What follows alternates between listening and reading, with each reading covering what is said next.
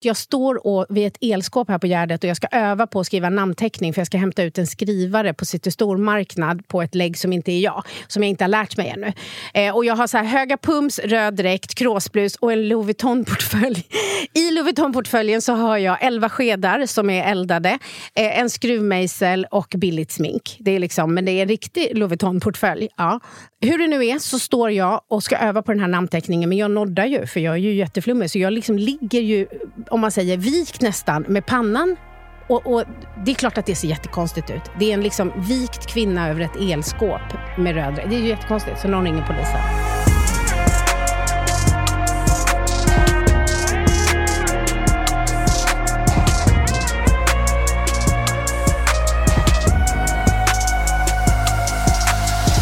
Jajamän, ännu ett avsnitt är här. Det är onsdag och podden heter Hedman och Hedén, en beroendepodd. Och du heter Nemo Hedén. Ja, vecka ut och vecka in och eh, sist jag kollade så är du Magnus Hedman! Ja, sist du kollade, vad fan kollade du då? Ja, det var väl i min, i min, min telefon när du messade i morse. Okay. Då stod det Magnus Hedman. Okej, okay. ja. ja, vad bra. Hur är läget? Eh, jo, men jag känner mig i form alltså.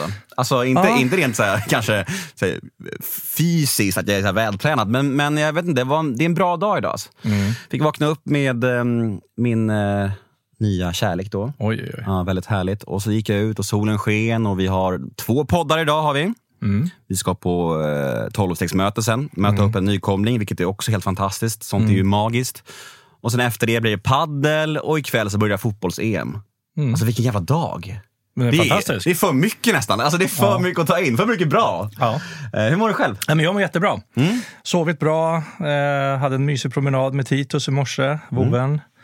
Jag tycker så här, det, det, är ändå spännande att se så, så, länge vi har hållit på nu, du och jag, eh, hur, din, eh, hur din resa har varit med separation, eh, jobbig tid där, eh, till hur, hur du lyser nu. Mm. Och du har hanterat det väldigt bra, Nemo. Väldigt, väldigt bra har du gjort. För att det, det har varit tuffa stunder. Mm, det var det. riktigt tufft där i höstas. Och, och, och var, samtidigt så var det så att man ville liksom inte sitta här i podden och bara gnälla och klaga över hur tufft det var. Man ville berätta att det var tufft, vill, mm. men man ville ändå göra en podd som spred hopp på något sätt. Jo. Så det var lite, lite, lite, svårt det där. Men det är skönt att det märks från dig att jag är på, annan, på en annan plats nu, för det mm. känner jag mig verkligen. Ja, ja nej, men det, och det är du. Jag tänkte du skulle få skicka med dina, eller våra lyssnare ett litet tips. Mm. När, vad, vad gjorde du när det var som tuffast? Hur tänkte du då? Jag tänkte att uh, this too shall pass lite grann. Att, att sitta ner i båten, prata med mina nära och kära om hur jag mår. Jag, mm. prat, jag pratade jättemycket med dig i höstas mm. om, om min separation och sådär. Och jag försökte vända mig utåt. Inte bli självrådig, inte liksom eh, sitta med min, min egen ångest och, och sådär, vända mig utåt. Liksom. Mm. Gick på jättemycket möten och försökte verkligen göra det jag ska för att ta mig igenom det. För jag visste ju att det kommer gå över, jag kommer må bättre. Men just där och då var det skittufft. Liksom. Mm. Och nu sitter jag här och mår väldigt bra. Så det är mm. ju verkligen så att det är livet på livets villkor. Ja, och tipset är då att eh, håll det inte inom dig själv. Verkligen. Mm. Ja, verkligen. Uh, men det är ju som du säger, alltså, sån, där, sån där sak som höstas hade man ju garanterat knarkat på förr. För när det kom jobbiga känslor, eller jobbiga perioder, eller bra perioder för den delen också, så flydde man ju. Fly, mm. fly, fly, fly, ja, ja. fly. Ja, men nu är det liksom så här, sitt ner i båten, använd dig av uh, programmet, dina nära och kära och så kommer det bli bättre. Mm. Tänkte du någon gång på alkohol eller droger under den där tiden? Nej. Den jobbiga perioden? Ingenting. Det är jävligt magiskt alltså. Ja, det är magiskt. Ja, ja. Det är coolt. Ja, det, det är härligt. Eh, ja, men härligt att höra. Vad glad jag blir. Ja. Jag vet att jag är extra glad för eh, dagens gäst. Det kan jag tänka mig. Ja, eh, hon har ju en stor del i att jag eh, sitter här där jag gör idag. Mm. faktiskt. Vill du eh, berätta det nu eller ska du berätta det till henne och, och, och ge henne en liten kärleksförklaring? Ja, men det kan jag göra sen under, under programmet, tänker jag. Mm. Så. Men hon har betytt extremt mycket för mig, har hon gjort. Mm. Och hon var den personen som jag ringde till när jag eh, höll på att hoppa från balkongen, eller när jag hade kommit in från balkongen. Mm. Så var det hon jag ringde till först. Du vet att hon har hjälpt mig också faktiskt. Har hon det? Inte lika mycket som dig kanske, men jag kommer ihåg att första gången jag skulle föreläsa så var jag så nervös, jag höll på att kräkas. Alltså jag hade hjärtklappning och jag bara... Mm.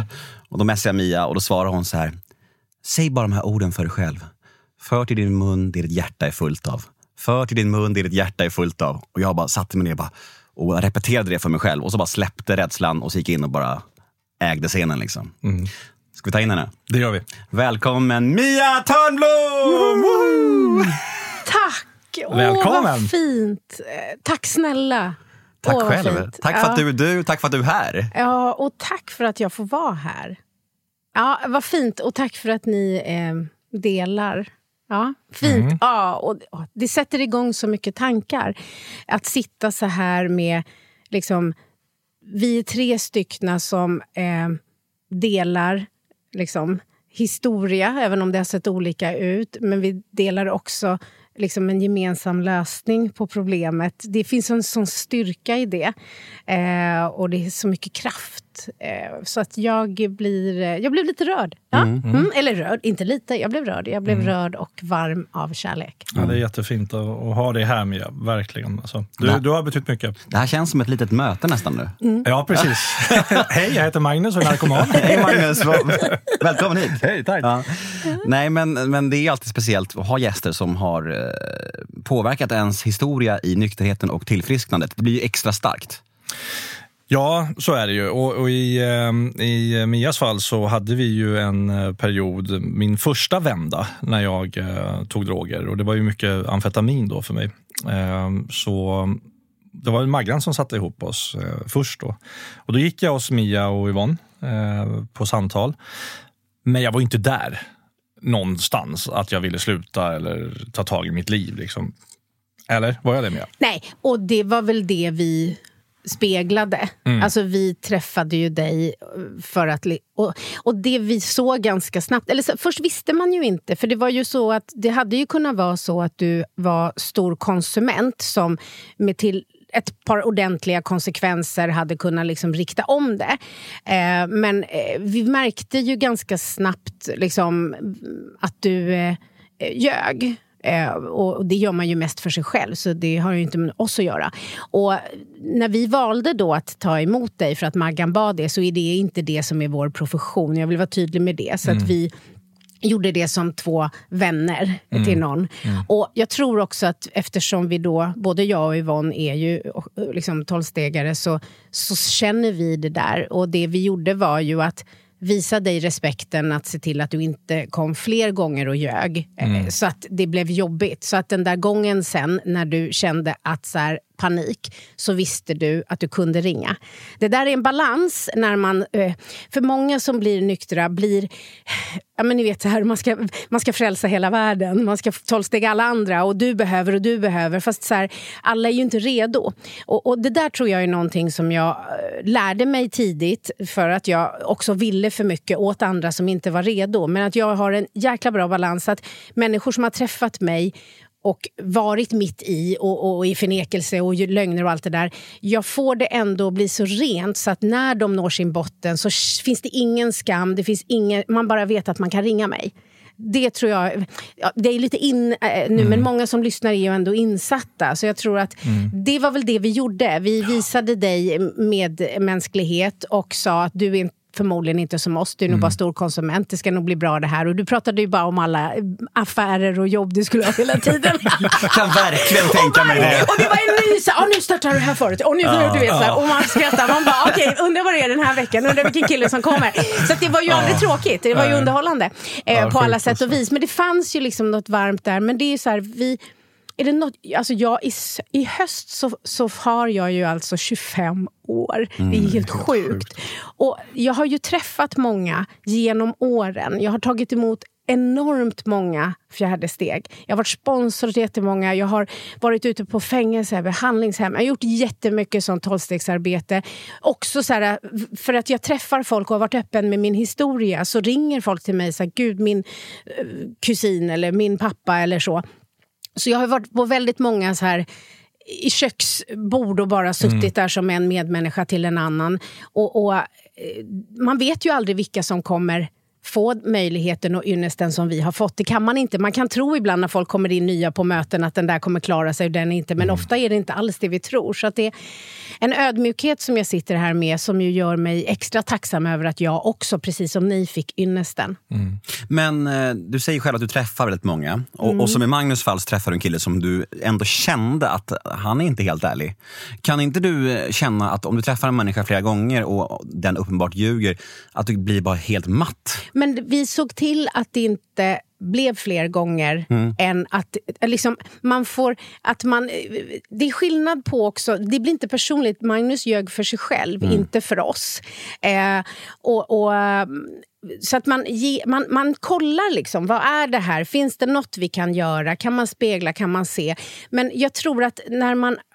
Eh, alltså sen, sen är det också eftersom vi har då eh, vår yrkesprofession, att vi jobbar med ledarskapsutveckling och är liksom utbildade i det, så kan vi också skilja vad som är vad.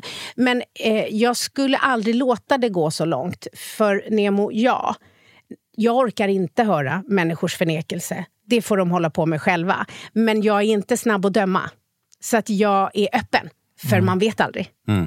Så att det, liksom, jag kände värme för Magnus då, men han var fucked up. Så jag ville inte att han skulle komma fler gånger eh, och eh, liksom eh, ljuga mer för oss och för sig själv. För det blir för mycket skam sen när man nyktrar till. men gud, sa jag det och sa jag det? Så mm.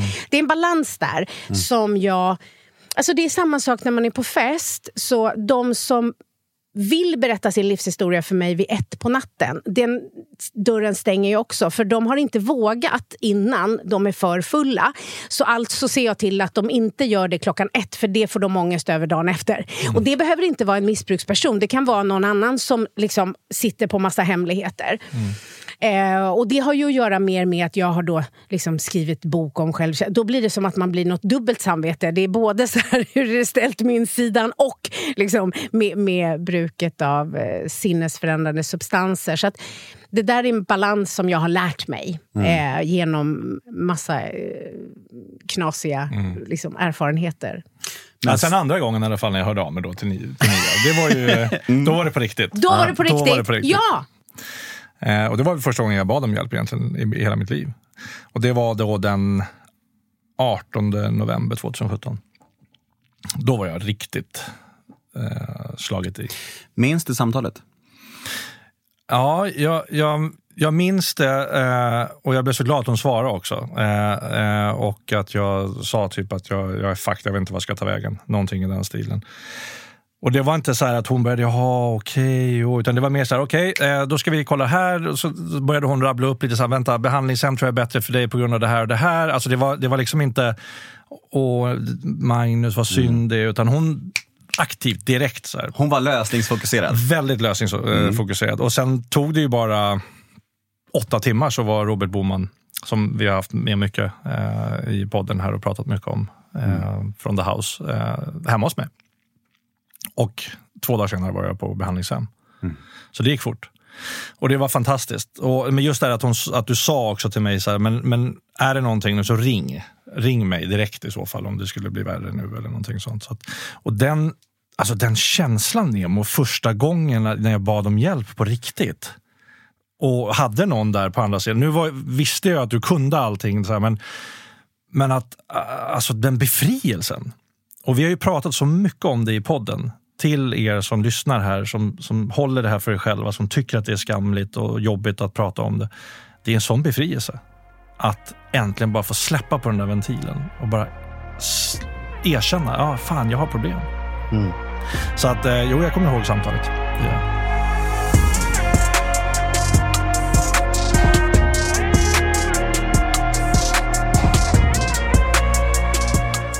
Har du ett sånt ögonblick också, där du kände för första gången att du bad om hjälp? Mm, ett annorlunda. Men ja, jag har också min... För det som hände här var ju, det är din kapitulation. Mm. Det är där du, och det är det där man, man har så svårt att förstå så här, det här. Alltså att det handlar inte om att så här, förlora på något sätt, utan det handlar om att hissa vit flagg, att kapitulera. Och, och min kapitulation hände ju på Gärdet, inte så långt härifrån. Eh, jag, varje kväll så skrev jag så här listor. Så här, imorgon ska jag ringa till SOS, imorgon ska jag göra det och så. När jag var flummig på heroin varje kväll. Ju. Och sen så hade jag alltid så jag klarade mig till morgonen. Men jag vaknade också alltid på natten och tyckte att det var en bra idé att ta det då, som skulle vara egentligen till morgon. Liksom. Så att när jag vaknade så var ju allt det där alltid bortblåst. Ungefär så här såg det ut den sista sommaren på olika sätt. Eh, jag har tagit eh, då min sista fix med heroin. Och eh, vi visste ju inte då att det skulle bli den sista. Och är väldigt flummig. Och det är ju när man är riktigt flummig, där jag kommer ifrån, liksom i heroinsvängen, eftersom man blir så jäkla abstinent. Så, och eftersom jag knarkade ju varje dag.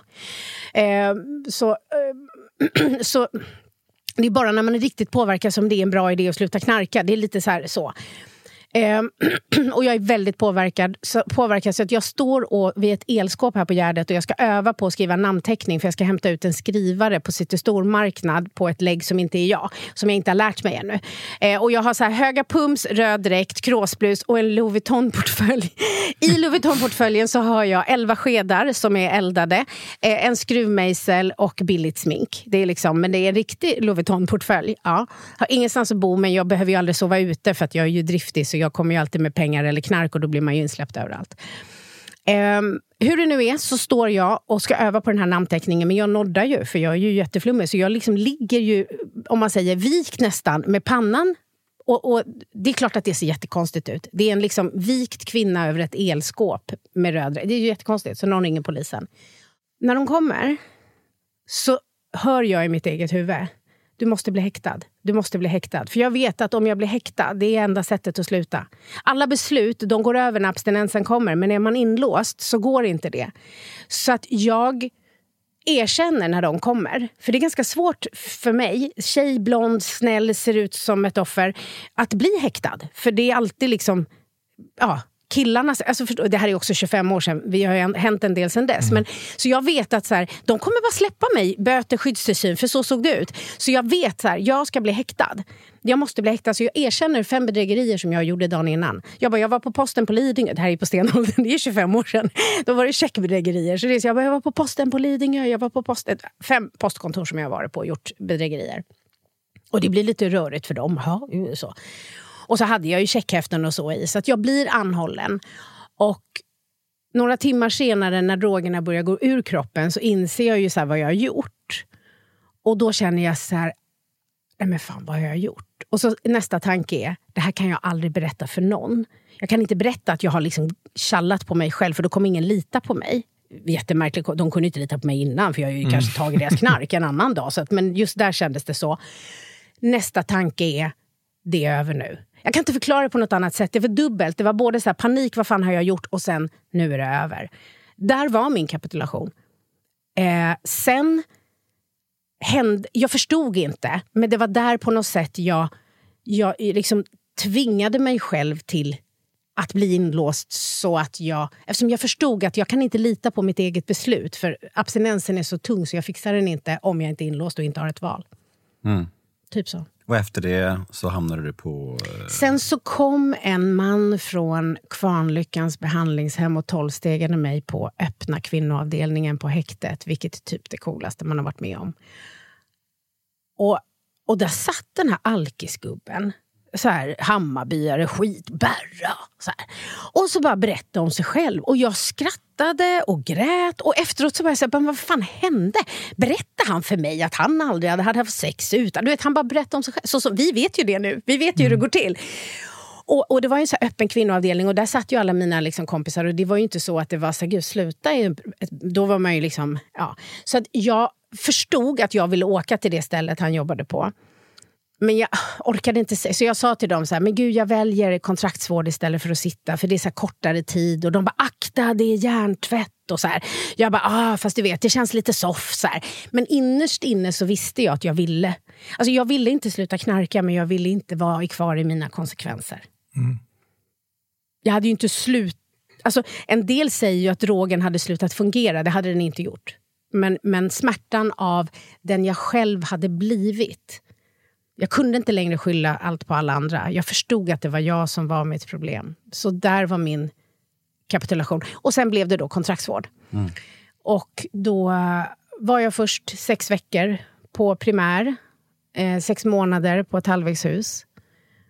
Ja, och sen eh, den starkaste händelsen för egen del som nog har präglat mig väldigt mycket är ju att när jag hade varit eh, drogfri i sju månader så tar min förra kille livet av sig. För att han känner att nu kommer det gå bra för henne. Nu kan jag släppa taget och gå. Mm. Det har präglat mig mycket. Mm. Shit. Men han var aktiv eller? Alltså, han, det var han som såg till att jag sökte hjälp. Han vilade upp sig lite då och då genom att sitta i fängelse regelbundet. Lite ut och in så, medan jag ju aldrig gjorde det och kom och hälsade på mer. Och han hade flyttat till Västerås och eh, börjat jobba som lärarvikarie. Och sen så, eh, och han, han, liksom, han, han, han hade varit på ungdomsvårdsskolan när han växte upp. Så att han trodde att allt var som det. Så att han tänkte mer så här, jag bestämmer mig. Han var ganska smart, han hade väldigt lätt för sig. Så han så här, bodde i ett familjehem, började jobba som lärarvikarie, var ganska så där kapabel. Men sen var tredje månad så helt plötsligt stod han bara på plattan. För på, du vet, på bara e vita knogar så klarar vi så inte längre. Eh, så att när jag då, han sa men du måste söka hjälp Mia, du, är helt, du ljuger varje gång du öppnar munnen, du måste söka hjälp, det är, liksom, det är kaos. Så. Och det hade jag ju med mig, så det var ju det som var motivatorn. Han hade gett mig en konsekvens som gjorde att jag när polisen kom bara visste så här, häktet är där man tänder av. Så.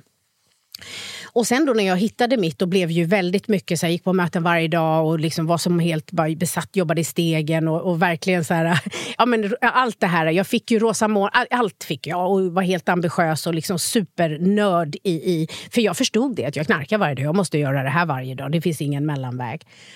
Och så försökte jag ju verkligen få med honom. Och han, så här, han, så här, han var, jag, jag vet, som, sista gången vi träffades då tog jag han farväl, jag förstod ju inte det då. Men då tittade han så här och han kände sån värme för det här lilla sekten som han såg det som, som jag hade gått med i. Men han kände att den passade mig, men att det liksom inte var något för honom. Eh, men han hade som ett mörkt eh, svart hål. När vi träffades eh, så hade vi varit tillsammans i två veckor. Vi var uppe sju år. Eh, så, så berättade han för mig i detalj hur hans begravning skulle gå till. Så att det här var en en kille som, som hans själ orkade liksom inte. Så att, och, och, han kände att det var hans fel att jag hade börjat knarka, vilket inte var sant. För jag mörkade ju att jag hade knarkat innan, för jag ville liksom vara lite liksom, skönare. Så han, när jag sa det till honom, fast det är inte sant, det är inte du, jag höll på långt innan, så trodde han jag sa det för att vara snäll. Så han kände att skulden var hans. Så jag tror lite att han såg det som att när jag skulle klara mig så kände han att då får... Så. Försökte du få in honom i tolvstegsvärlden? Och då kan du veta att jag är ganska bra på att snacka. Jag gjorde allt. Och det har gjort mig till... I mitt jobb så är jag ju då ledarutvecklare och coach. Och det jag lärde mig av att kan jag inte rädda den jag älskar mest så kan jag inte rädda en enda jävel. Men om de vill rädda sig själva så kan jag vara en av de bästa och hjälpa till. Det mm. har gjort mig skicklig i mitt jobb, för jag vet att det inte är jag. Men om du är redo att göra det du ska, då är jag väldigt bra. Där, det är en väldigt smärtsam händelse som har gett mig mycket av det som är mina viktigaste lärdomar och insikter. Det jag fick med honom.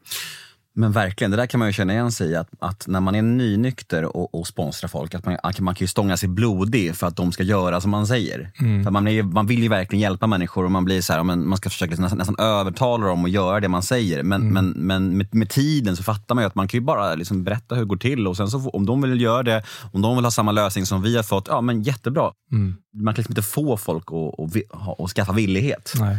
Det har man ju försökt. Det, det är en sorglig historia också. Alltså, ah. så. Mm. Eh, samtidigt som att den är eh, fin. Men, ja, nej, men, eh, han hade det där. Du sa, du sa ju också där att du hade ju knackat innan du träffade honom. Ja.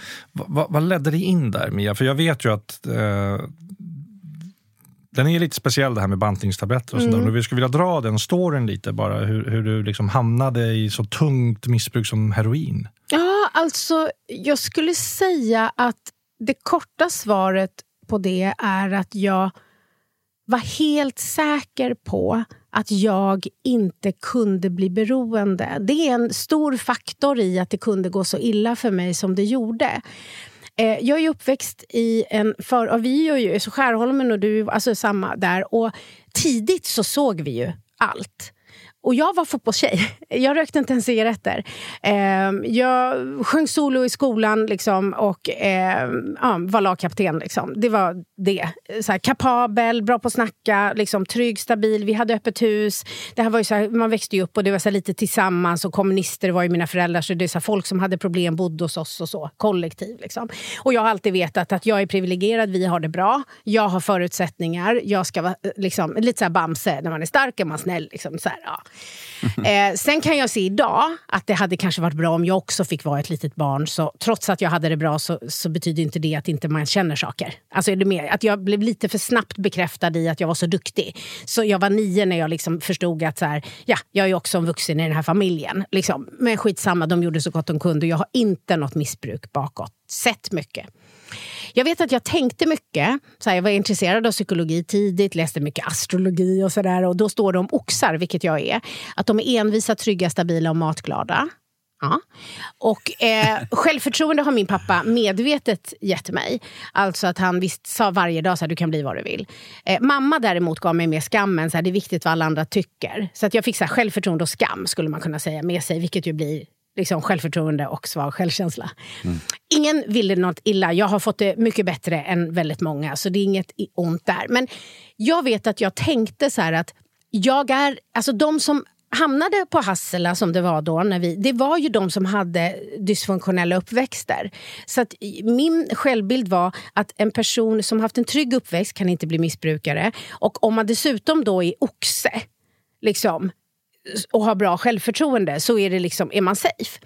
Eh, min låga självkänsla, som jag inte visste vad det var för någonting, eh, gjorde ju att jag gick emot den första värderingen jag hade.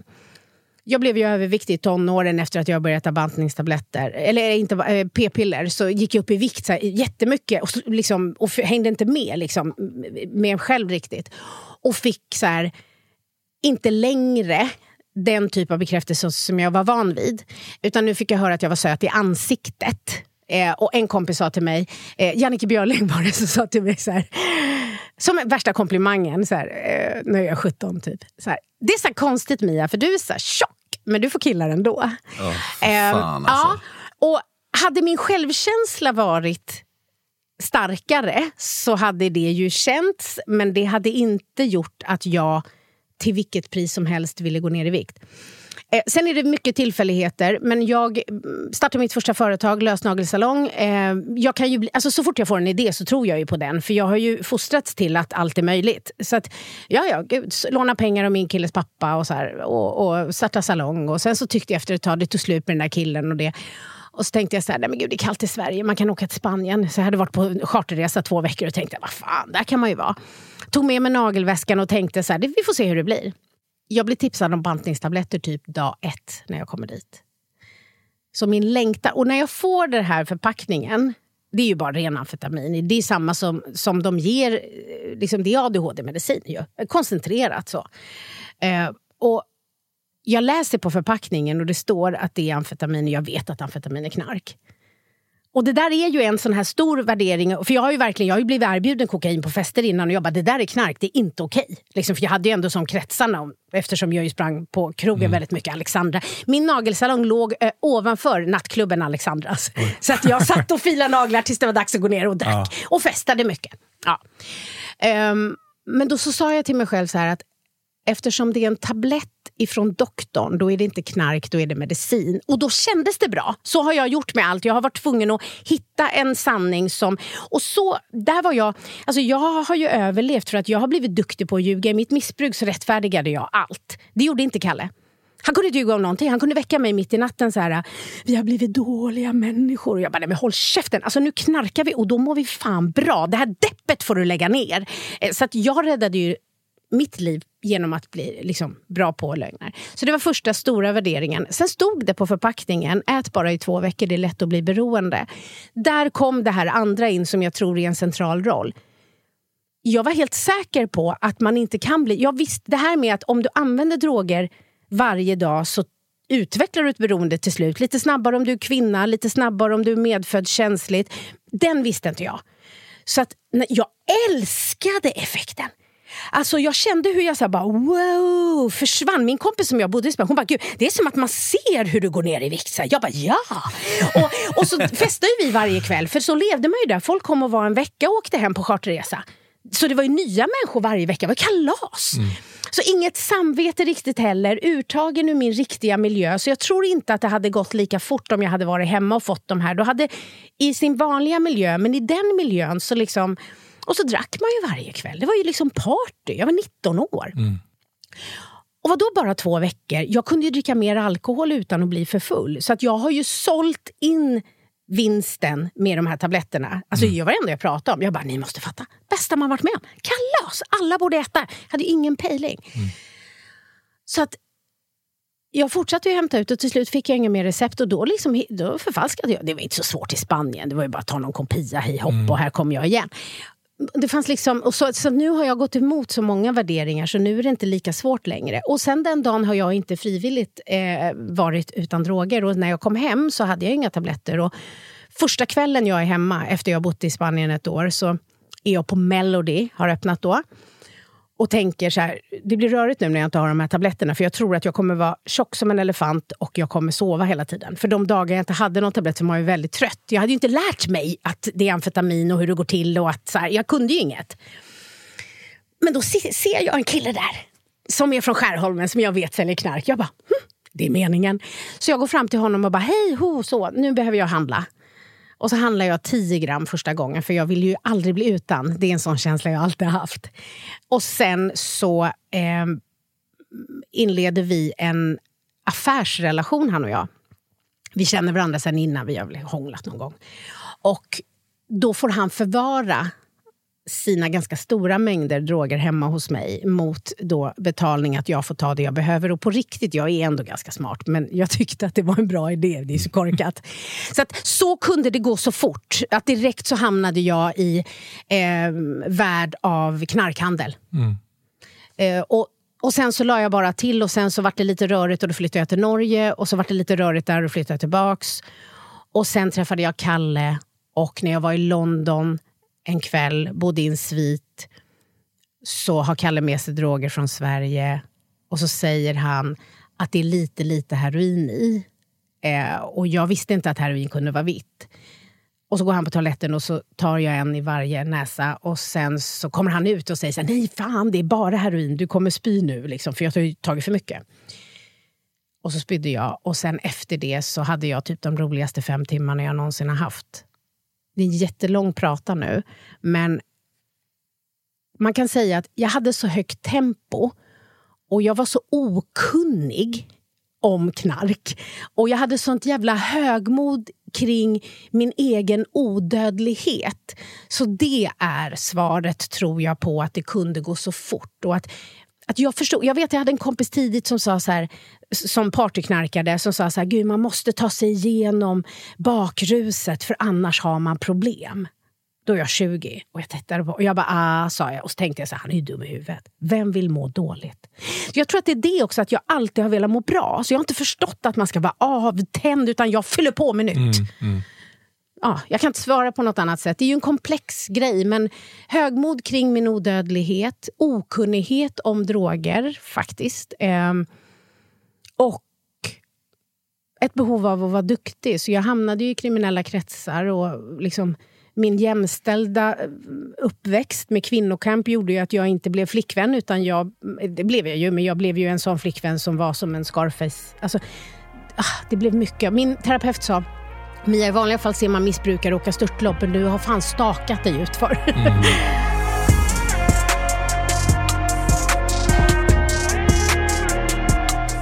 The House Rehab har vi haft med oss som samarbetspartners sedan den här poddens begynnelse och så även denna vecka. Och därför blir vi mycket glada när vi får höra att många av våra lyssnare har fått hjälp av The House. Det gör oss varma i våra hjärtan hjärtan. Men vad är då The House, kanske vissa av er fortfarande undrar? Jo, The House är öppenvården som är stationerad i centrala Stockholm. Evidensbaserad och skräddarsydd vård som skapas specifikt efter klienternas behov och förutsättningar i livet. Vård av absolut högsta klass. Det kan jag och Magnus gå i god för eftersom att The House grundare Robert Boman har en väldigt stor del resulterade i att jag och Magnus faktiskt hittade ur våra missbruk. Och en sak till som vi inte får missa. The House kör nu även gruppterapier från och med juni. Så det händer mycket spännande saker kring The House hela tiden. Och har du frågor kring beroende, medberoende eller bara är nyfiken på The House behandlingar eller kanske på deras priser? Ja, då kan du mejla till sandra at thehouserehab.com. Tack The House!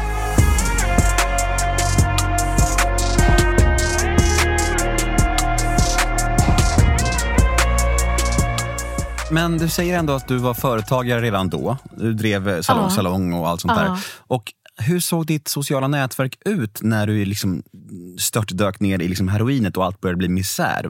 Hade du liksom familj och så? Eller var det någon som sa någonting? Eller vad hände då? Du vet, jag är... Jag har jobbat nästan hela mitt missbruk också eh, på restaurang. För det är ganska praktiskt. Jag har varit väldigt fåfäng. Jag har varit väldigt noga med att jag inte vill att det ska synas. Eh, så att jag jobbade alltså sista sommaren till och med på Gröna Jägaren, för där kunde man långa skjortarmar. Så att det var ju så fina krogar och sen så, så slutade jag på Gröna Jägaren. Liksom. Ja. Eh, så. Och eftersom jag var sönderstucken. Så att, eh, jag skulle säga så här att jag jag har ju bott i olika länder. Jag har bott i Spanien i två omgångar. Jag bott i, av de här tio åren så har jag tre år varit utomlands. Jag har också alltid stuckit innan folk hinner förstå hur illa det är. Så att jag har åkt från hela tiden eh, till olika ställen. Så att svaret är att jag var 26 år innan min familj, då ursprungsfamiljen, förstod att det inte var okej. Okay. Jag har aldrig lånat pengar av dem. Jag har aldrig visat den vad ska man säga? Så att, men jag har också alltid förekommit. Jag var väldigt så här, uppfattade som rak. Jag sa man kan inte ha en åsikt om knark om man inte har provat. Det är klart man provar, sa jag. Och då tyckte folk så gud vad hon är härlig. Ja, fast jag sa ju inte hur mycket jag tog. Alltså, eh, så, att, mm. så det tog lång tid innan de förstod och sen höll jag mig undan. Så att när jag väl ringde så var de ju så glada för att jag ringde så då vågade de inte riktigt så här, ställa krav, för då la jag ju på så visste de inte vilket land ska hon befinna sig i sen. Eh, jag höll, eh, liksom, men de jag umgicks med på slutet förutom då eh, Liksom, det var ju bara såna som också var, som höll på och gjorde affärer och knark och sålde och köpte och så som det är. Så att jag hade ju inga kompisar när jag var 29 år och drogfri. För att antingen så knarkade de varje dag och då ville de inte ens ha med mig att göra för jag fyller ingen funktion. Eh, eller så har jag inte träffat dem på fem år.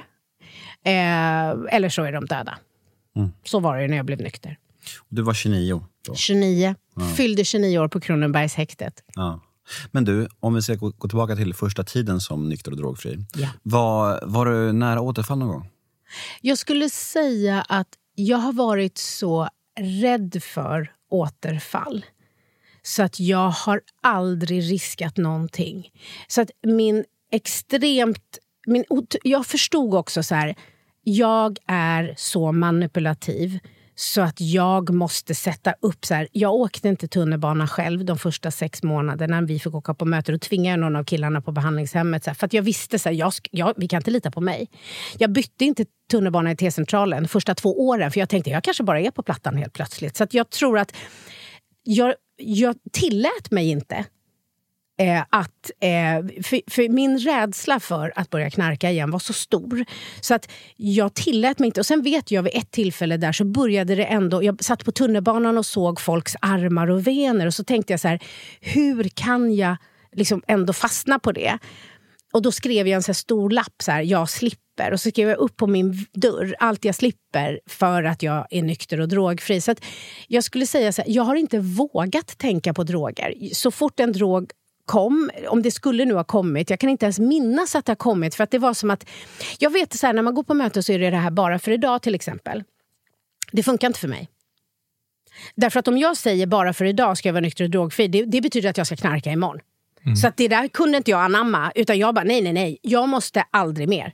Jag var tvungen. Och sen var det en sorgeprocess. Och jag grät och jag skrev och jag gjorde mina övningar. Och jag var ju i terapi liksom i sex månader dagligen i gruppterapi. Och så gick jag utöver det på möten varje dag. Mer än ett många gånger också. Så jag har ju fått en extrem liksom, stabil tolvstegsgrund att stå på. Det får man ju säga. Och så blev jag ju, för det fanns ju inte så mycket kvinnor då. Så jag blev tidigt också sponsor till andra. Vilket gör att man får uppleva igen sitt eget. Så det befästes ju.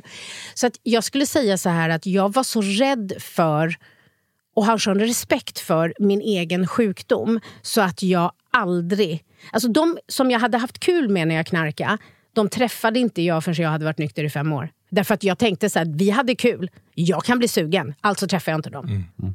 Ja, så jag var så här, och jag har fått mycket skit för det. Så, ah, präktig och töntig och allt det här. Och jag bara satt där och hade gått upp 25 kilo och kände mig proppmätt och töntig. Och tänkte att så här, det får vara så. Men ändå livsnödvändigt. Ja, sen är det ju så att jag tror... Ja, vi vet ju inte hur hade det sett ut om inte Kalle hade tagit livet av sig. Mm. Alltså, då är det möjligt att jag hade så här, vågat utmana lite. Men ha, jag var ju egentligen mer nedgången än vad han var. Så för mig var det så att jag dör om jag tar ett återfall. För det gjorde ju han. Så det blev min... Det blev på liv och död. Mm. Jag kan inte förklara på något annat sätt. Så här har vi alltså om man tittar ner på en, en ehm, tjej från Skärholmen som eh, är smart, eh, men det går jäkligt snabbt. Och det jag tycker är spännande som, som ehm, jag tycker kanske inte lyfts tillräckligt ofta i Mias fall, det är ju resan från att vara heroinmissbrukare till så framgångsrik som du är idag. Eh, som du sa, elva böcker. Du har hjälpt extremt många människor. Jag vet hur duktig du är på ditt jobb inom ledarskapsutveckling, inom coaching. Hur formades hela den här eh, verksamheten du, du har idag? Jag skulle säga att den, det var liksom inte meningen. Och det tror jag är en bra start. Eh, för jag tror att när, när man följer sitt hjärta och när man har sitt varför på rätt ställe så kommer det möjligheter och sen måste man våga ta dem. Så jag förringar inte det arbetet jag har gjort. Men jag tror att liksom grunden har varit viktig. Eh, jag kan säga att det började med... Alltså det som yrket jag har idag började med att jag var sponsor. Eh, och då, det här måste ni komma ihåg, att då när jag började gå på möten så var det inga på möten som pratade om självkänsla. Det var ingen som använde de orden. Det fanns inte då. Och eh, vi som vet då, liksom själva ursprunget till tolvstegsprogrammet, det är ganska hårt. Det är så här rannsakan. Så här. Och, och jag förstod eh, när jag var i terapi, för jag blev ju direkt extra terapeuten och klev in i den rollen. Jag har ju suttit och coachat alla knarklangare. Alltså jag har ju alltid varit intresserad av människor. Jag var lagkapten i fotbollslaget. Så en hel del av min framgång handlar ju om att jag har fått en talang. Eh, och sen har jag ett extremt intresse. Eh, och sen har jag tränat jättemycket. Och det som hände där var ju att jag i rollen som eh, liksom sponsor till andra, jag gillade att liksom guida människor eh, i det. Så där kom första intresset. Men jag kände så här, det här hårda, vi rannsakar, vi ställer till jätta, vi gottgör och så. Jag, jag, jag behöver ju självkänsla. Jag är jättestark inre kritiker. Och, och, och, jag vet att jag frågade en som, då, eh, som fanns där för mig, som hade varit en man som var väldigt central när jag eh, var nynykter. Så, och jag, bara, varför, jag var jättearg på honom i någon paus här. Jag bara, varför, jag, när jag var rädd var jag arg. Så jag bara, varför är det ingen som pratar om självkänsla? Varför är det ingen som säger hur man ska göra? Och han tittade på mig, Mia, vi vet inte. Jag har aldrig hört ordet innan. Du får fan ta reda på det. Jätteroligt. Jag bara, okay. Så då satt jag mig på bibliotek, fast inte internet. Jag satt på bibliotek och läste böcker. Och, alltså det var verkligen så. Eh, där började intresset för, jag förstod, jag måste träna varje dag. Jag måste göra något varje dag som gör, ett vanligt liv funkar inte, jag måste ha ett riktigt bra liv. Så det började med det intresset. Sen att jag föreläser började med att jag gjorde mina gottgörelser, skrev min åttondestegslista, insåg att det är väldigt många som jag har skadat i andra länder som jag inte ens vet vad de heter. Hur kan jag gottgöra det som jag inte... Och så insåg jag att jag kan göra någonting för att ge tillbaka till samhället. Jag kan åka runt i skolor och berätta om mitt liv. För jag ser inte ut så som man tänker att man ska ha sett ut. Och jag hade en kompis som var lärare på gymnasiet i Farsta. Och jag frågade henne, kan inte jag få komma på din livskunskapslektion och bara prata om självkänsla och självförtroende? Om? Hon bara, ja gud, kom. Och det spred sig ju. Så sen började de ju ringa. Och det var mitt sätt att ge tillbaka. Mm. Och Jag visste inte att man kunde vara föreläsare. Och Parallellt sen så fick jag ju ett jobb som bara var en praktikplats. Men jag kom ju dit, eftersom jag har då starkt självförtroende och svag självkänsla, även om jag hade förstått att det var så, så har inte det gått över. Så att jag överpresterar ju på den här praktikplatsen, så det tar mig två år att bli ekonomiansvarig. Eh, och det var en ideell organisation där de räddade världen. Ingen ville ha hand om ekonomin, alla ville göra det där. Och jag då med min historia sa, gud, det här är ju pengar, det är viktigt, ordning och reda. Och har läst ekonomi på gymnasiet, så jag kan ju det. Och så började jag gå kurser i coaching och kommunikation. Och där fanns det mycket att tillgå. Så, så att jag, till slut så, så började... Den första då vanliga personen som jag då coachar, det var hon som var ordförande på landsrådet för Sveriges ungdomsorganisationer eh, där jag då jobbade. Hon var ordförande där, kom från, liksom, idag jobbar hon i FN och är så här konflikthanterare, supersmart. Och så sa hon, det här du gör med dina tjejer när de kommer, för jag utökade ju tolvstegsprogrammet och la till massa som behövs för självkänsla. Så det var programmet och lite till när man mm. blev, liksom, hade mig som sponsor. Okay. så så det var liksom den här PTn som får att göra lite extra. Så att vi tar grunden och så har vi lite mer mm. att göra. Ja. Och då var hon så här, hon bara, det där du gör, kan inte du lära mig? Jag bara, men du är ju vanlig. Hon bara, ja fast så här, ni verkar ju ha hittat något. Det lyser ju om er. Jag bara, gud.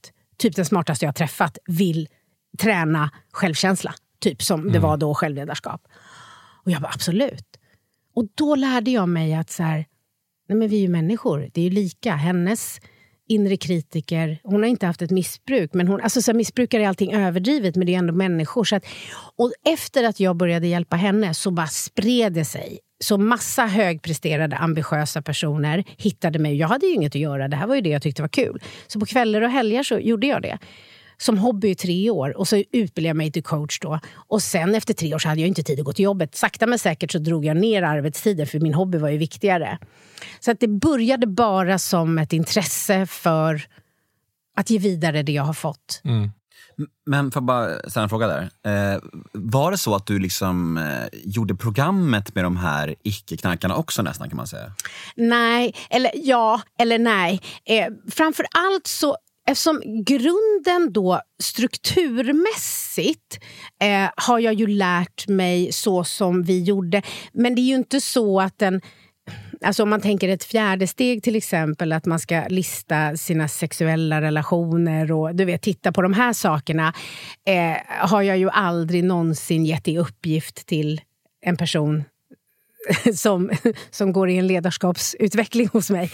Eh, så. Men, men, eh, det hade ändå varit kul att se reaktionen då. Verkligen! Eh, eh och, och, det hade kanske ja, det hade varit spännande. Nej, men tänk så här att då när jag satt hemma i köket, som det blev... För jag hade ju tolvsteget som grund, men det handlade ju om liksom, att bli fri från missbruket. Så att jag skulle säga att på samma sätt som jag tog andra saker och gav vidare till Alltså det här med att bekräfta sig själv till exempel fanns, det står ju ingenstans i stora boken liksom på det sättet och det la jag till.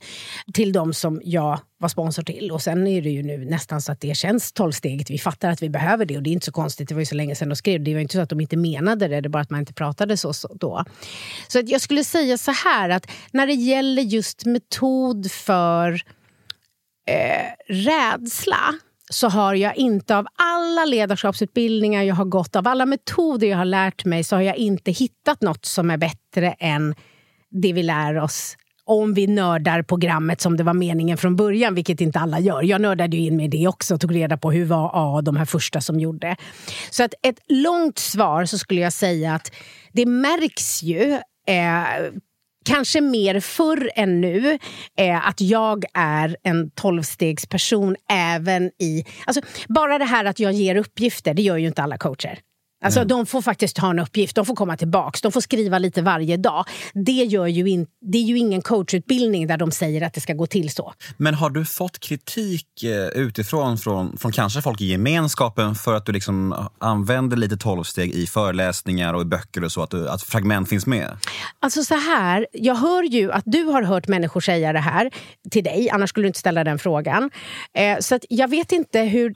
Alltså, hur ska jag säga? så här, Ja, är väl svaret, för att du skulle inte ställa frågan om inte du hade hört det. Ja, jag har hört någon gång. Exakt. Mm. Och det jag vill säga där är att så här, ingen har sagt det direkt till mig.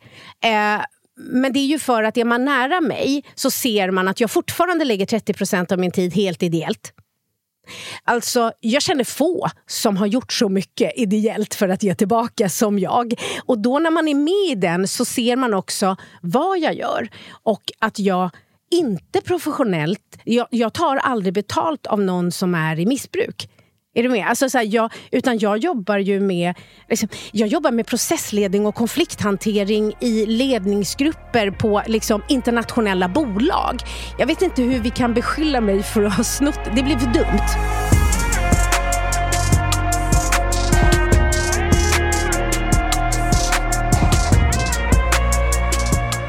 Men du, jag tänker så här att när, nu har vi snackat om Mias story. Mm. Ska vi inte prata lite, lite mer om, om självkänsla? När vi jo, jag har... tycker det är super, super, alltså det är superviktigt. Och jag, framförallt så tycker jag att det är viktigt också för att jag, många människor blandar ihop och slår ihop självkänsla och självförtroende till ett. Ja.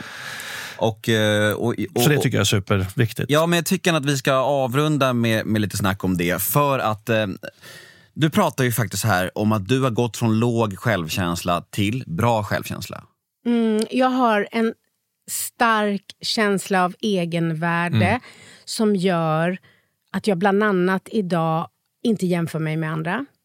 Att jag har botat min tidigare så starka inre kritiker. Jag har realistiska förväntningar på mig själv som jag klarar av att leva upp till. Finns det något konkret tips till att nå dit?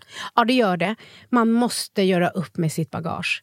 Alltså, och det, kan, det, säger jag inte alltid som svar, men i den här podden så är det så, skulden och skammen. Alltså, vi lär oss många kloka saker på möten som ju är stulna från andra ställen också ibland ska vi veta. Så om det här är tolvsteg eller inte, det vet jag inte. Men min terapeut sa, vi är inte friskare än våra hemligheter, Mia. Det är en av de viktigaste råden jag har fått. Därför att när jag åkte till behandlingshemmet så visste jag jag ska inte berätta det här, jag ska inte berätta det här, det här ska jag inte... Alltså jag visste det som jag skulle behålla för mig själv. Eftersom jag är fostrad till att så här, skam. Eh, det var det jag behövde prata om. Det var det jag behövde göra mig fri ifrån. Så om man tänker att när man bär man på skuld och skam så får inte... Tänk att det liksom är eh, ett utrymme på fem liter där självkänslan kan bo. Om vi låtsas att det är så. Skulden och skammen den tar upp utrymme. Så att man måste börja med att rensa. Så att, eh, har du skuld, ställ till rätta. Eh, har du skam, förlåt dig själv. Liksom, för vi har ibland gjort saker fast vi visste bättre för att vi inte hade kraft där och då. Och ibland för att vi inte förstod bättre. Oavsett vad så behöver vi förlåta oss själva. Eh, så att börja där. Vi måste rensa. Finns det saker som ligger och skaver så måste vi, kan inte hoppa över det. Vad är det för copingstrategier som räddade livet på mig då som idag står i vägen för min utveckling? Vi måste dela med hela den här biten. Sen är det en kompetens, det är färskvara. Och idag pratar jag alltid om självledarskap därför att det är större än självkänsla. Och det gjorde jag även då, men eftersom självkänsla var det som jag hade noll av, det var det inom självledarskap som jag själv verkligen behövde, så blev det mycket fokus på det. En vinst av att träna självledarskap är att självkänslan stärks. Så att självkänsla får vi av att reflektera på vår egen del.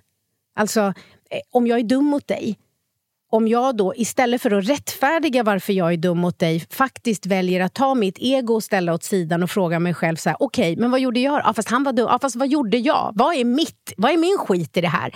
Varje sån handling är självkänsla stärkande. Mm. Men även att bekräfta sig själv.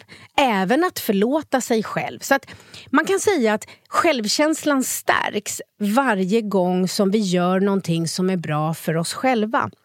Och det kan se olika ut. För de behoven du har, Nemo, om vi jämför, för jag kände ju till dig eftersom jag, jag har träffat din pappa mm. så innan jag träffade dig. Så att jag vet ju lite om hur din uppväxt har sett ut. Så att det, de behoven du har haft för att liksom, eh, laga det som har fattats dig eller liksom försonas med som inte alls har med dig att göra. Som är, är liksom bara för att det såg ut på ett visst sätt. Det har ju du berättat om, annars skulle det inte så. Det är ditt. Sen har du också en person som har olika behov. Du och jag som personer är ju inte lika varandra. Alltså, det är lite som när människor får barn. Eh, så, så förstår de efter ett tag att så här, jag kan inte, en del är så här, vi har gjort lika med alla tre och det är jättekonstigt för den sista, men varför har ni gjort likadant? Det är tre olika ungar, de har olika behov. För fan, anpassa föräldraskapet till ungen. Mm. Och vi måste också förstå att självledarskap är utifrån våra behov. Och det kan jag säga nu bara när det har varit en pandemi ett helt år vilken skillnad det är på vad människor behöver i form av självledarskap innan pandemin och ett år in i pandemin. Mm. Så att, någonstans är det att förstå att på samma sätt som fysisk kondition är färskvara så är den själsliga konditionen också färskvara. Och när vi förstår det, när vi förstår att insikt är inte samma sak som utveckling. Insikt är starten, sen behöver vi träna. Eh, när vi förstår det, så att det är mycket mer komplext med självledarskap och själslig träning än den fysiska. Eh, men om vi gör det enkelt för oss så, så kan vi ta till oss den träningen vi behöver. Det är ett jättelångt svar, men eftersom det är så komplext så skulle jag säga skuld och skam först där. Ha koll lite på vilka värderingar du har. Därför att om du har en värdering som är det är fel att prata skit och sen gör det dagligen en hel vecka så kan du inte göra det utan att det kostar då kostar det också. Så det är komplext. Så jag skulle säga, lägg lite tid på att lära känna dig själv. Mm. Ta reda på vad har du i bagaget som behöver städas upp. Vilka är dina värderingar och hur styr de dig? Eh, liksom, hur fungerar motivation för dig? Vilka blockeringar har du? Hur ser det ut i dina relationer? Vad gör du idag som du själv tycker är fel? Vill du ha självkänsla? Sluta med det. Mm. Jag kommer ihåg det där, det var, det var så sjukt en gång. Eh, det var faktiskt på Råsunda fotbollsstadion, en landskamp. Eh, hur jag kände mig eh, när jag kollade mig själv i spegeln med landslagströjan på mig. Och sen efter när jag stod och fixade håret och hade kostymen på mig, jag skulle gå ut och möta media eller vad det var efter matchen. Hur olika jag såg på mig själv när jag hade matchtröjan på mig och när jag var Magnus. Liksom. Så jävla sjukt. Eller så jävla sjukt, men, men det, är ju, det är ju verkligen så här. Och just självförtroende är ju mycket i det jag gör. Alltså, och där kan jag ju ha olika självförtroenden i olika, på olika arenor också. Ett jättestarkt självförtroende i att spela fotboll men ett jättedåligt självförtroende i att putsa fönster eller vad det nu må vara för någonting. Och det är just det där tycker jag är så viktigt att det du pratar om att för att stärka självkänslan så får jag inte gå ut och söka massa aktiviteter i form av prestation som ska bedömas av andra. För då är det åter tillbaka till det här med självförtroende. Ja, och samtidigt så får vi heller inte förringa hur bra vi mår av att göra saker bra. Mm, det så. Det är en balans där. Men om identiteten 100% förknippas med prestationen, det är det som är problemet. Om jag tänker att jag bara är bra när jag gör bra, då blir det väldigt... Det är som att bygga ett hus på en jättesvag grund. För då krävs det ju bara ett misstag och allt raseras. Mm. Så det är därför det är så... Alltså för mig var det viktigt, jag gick upp 25 kilo i vikt när jag blev nykter jag hade ingenting jag var bra på och jag var dessutom proppmätt. Jag fick inte bekräftelse på något sätt. Jag var tvungen att börja bekräfta mig själv. Mm. För mig var det viktigt, för jag har hela tiden sökt bekräftelse mm. utifrån. Så att vad det är man, och då har du sökt din bekräftelse genom att du var Sveriges bästa målvakt. Eh, och tas det då bort så blir det ju såklart ganska tomt. Mm. Och har man då inte möjlighet att få hjälp att bekräfta sig själv för den man är så kommer man byta prestation och prestation och försöka hitta liksom, saker att göra. Så att någonstans så, vi behöver hitta ett sätt att inte drivas av rädsla för att misslyckas utan drivas av lust att lyckas. Mm. Och då är det liksom tillit och, och självkärlek och med, självmedkänsla. Och när jag började jobba för 25 år sedan så fanns inte alla de här orden. Men nu finns det så mycket metoder och tekniker. Och på den tiden när jag började då pratade professorerna inte så vi förstod. Det gör de ju nu. Hjärnforskarna pratar ju helt vanligt. Vilket är helt fantastiskt. Så jag skulle säga så här att gör någonting för dig själv det stärks eh, självkänslan av. Eh, bestäm dig för att vilja vara snäll mot dig själv. Tänk att du är någon du tycker om. Och hur behandlar du någon du tycker om? Inte så hårt som du behandlar dig själv. För många är det just det starka. Mm. Och de som lyssnar på det här är ju ambitiösa högpresterare. De andra lyssnar inte på sånt här. Och där är det ju så att man ska börja behandla sig själv som om man var någon man gillade. Mm. Vad säger du Magnus? Spännande. Ska vi koppla in eh, Robert Boman? Vad heter segmentet? Det heter The House svarar.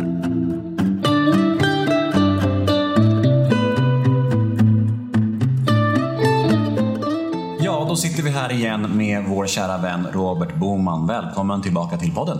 Tack så mycket. Hur mår ni? Bra. Ja, men jag mår ganska bra. Hur mår du själv? Jag mår finemang, tack. Härligt. Nu ska vi hugga in i ännu en lyssnarfråga. Är du beredd? Jag är beredd. Då kör vi. Hej killar! Jag har en fråga som jag har funderat mycket på. Jag vill bli nykter, men när jag tänker mig ett nyktert liv så känns det jäkligt tråkigt. Vad ska jag göra när alla andra går på krogen? Vad ska jag göra när alla andra åker på semester? Ska jag sitta där då med en Ramlösa? Det är en jättebra fråga som, som nästan alla eh, ställer sig när, när man kommer till den här problematiken och som många är väldigt rädda för. Vad, vad kommer hända? Kommer jag ha tråkigt resten av mitt liv nu? Och nej, det kommer jag inte alls det. Eh, däremot, och jag brukar tjata om det, att jag kan se den här sjukdomen som att jag har skadat mig, jag behöver rehabiliteras. Och precis som jag behöver rehabiliteras från, från en annan skada, säg att du har brutit ryggen Magnus. Då, då kommer du behöva rehabilitera dig innan du är tillbaka på samma nivå och kan träna på samma nivå. Du behöver ta det lite lugnare i början för att så småningom vara tillbaka. Och vi kan se den här sjukdomen på samma sätt. Nej, men jag kanske behöver vara lite försiktig med krogen i början. Jag kanske behöver ha, eller jag behöver ha respekt för, för fest och, och, och den typen av, av evenemang. Eh, betyder inte att jag ska sitta hemma och ha tråkigt, eh, utan jag kan sakta men säkert börja liksom testa att gå ut. För vissa så är inte det här något problem, man kastar sig rakt ut och, och livet är som vanligt. För andra så är man lite skrajsen och orolig och det är väl inte så konstigt. Det är ju ovant att stå där i en bar utan att dricka någonting. De flesta har ju gjort det alltid. Mm. De flesta har alltid varit berusade när de har flörtat till exempel. Hur gör man det här nykter? Det är en träningssak. Eh, men mycket, mycket roligare, det kan jag lova. Mm. Ja, det ser vi nästan på ansiktsuttrycket när han säger det också. Ja, verkligen, verkligen. Ja, men, så, så, nej, livet blir inte tråkigt. Och det kan faktiskt vi intyga också. Ja, ja absolut. absolut. Mm. Tack Robban för ännu ett klokt svar.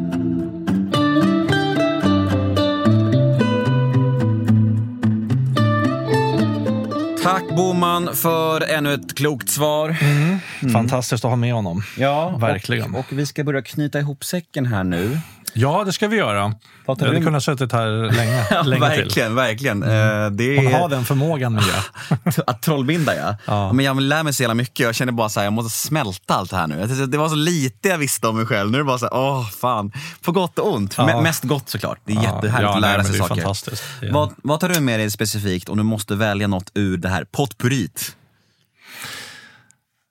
Jag känner ju Mia och har ju hört mycket av det hon har sagt. Eh, men, men att det jag verkligen tar med mig idag, det är eh, hur, eh, ja, men lite det här, eller mycket det här med att livet förändras.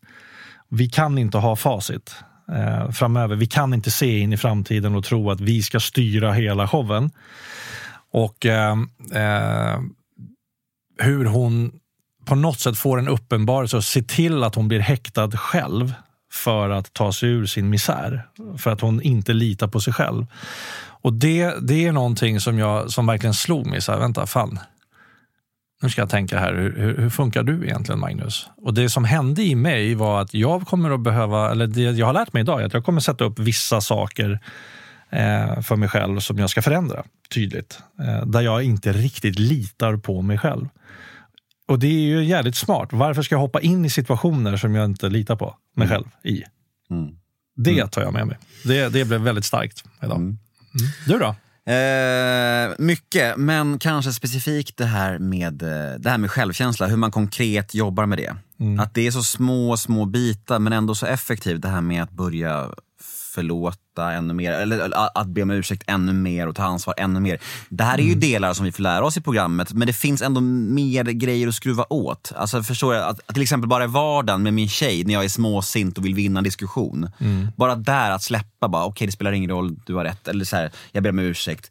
Sådana små saker räcker liksom för att bygga upp min självkänsla som jag har mm. problem med. Liksom. Jag har ju det. Mm. Jag är ju superkänslig och lättkränkt och så här. Och, det och jag vill ju verkligen bli tryggare i mig själv och, och liksom så kunna, kunna, kunna ta mer. Liksom. Så jag är, tar med mig det och ska verkligen börja öva på det konkret i vardagen nu tänker jag. Mm.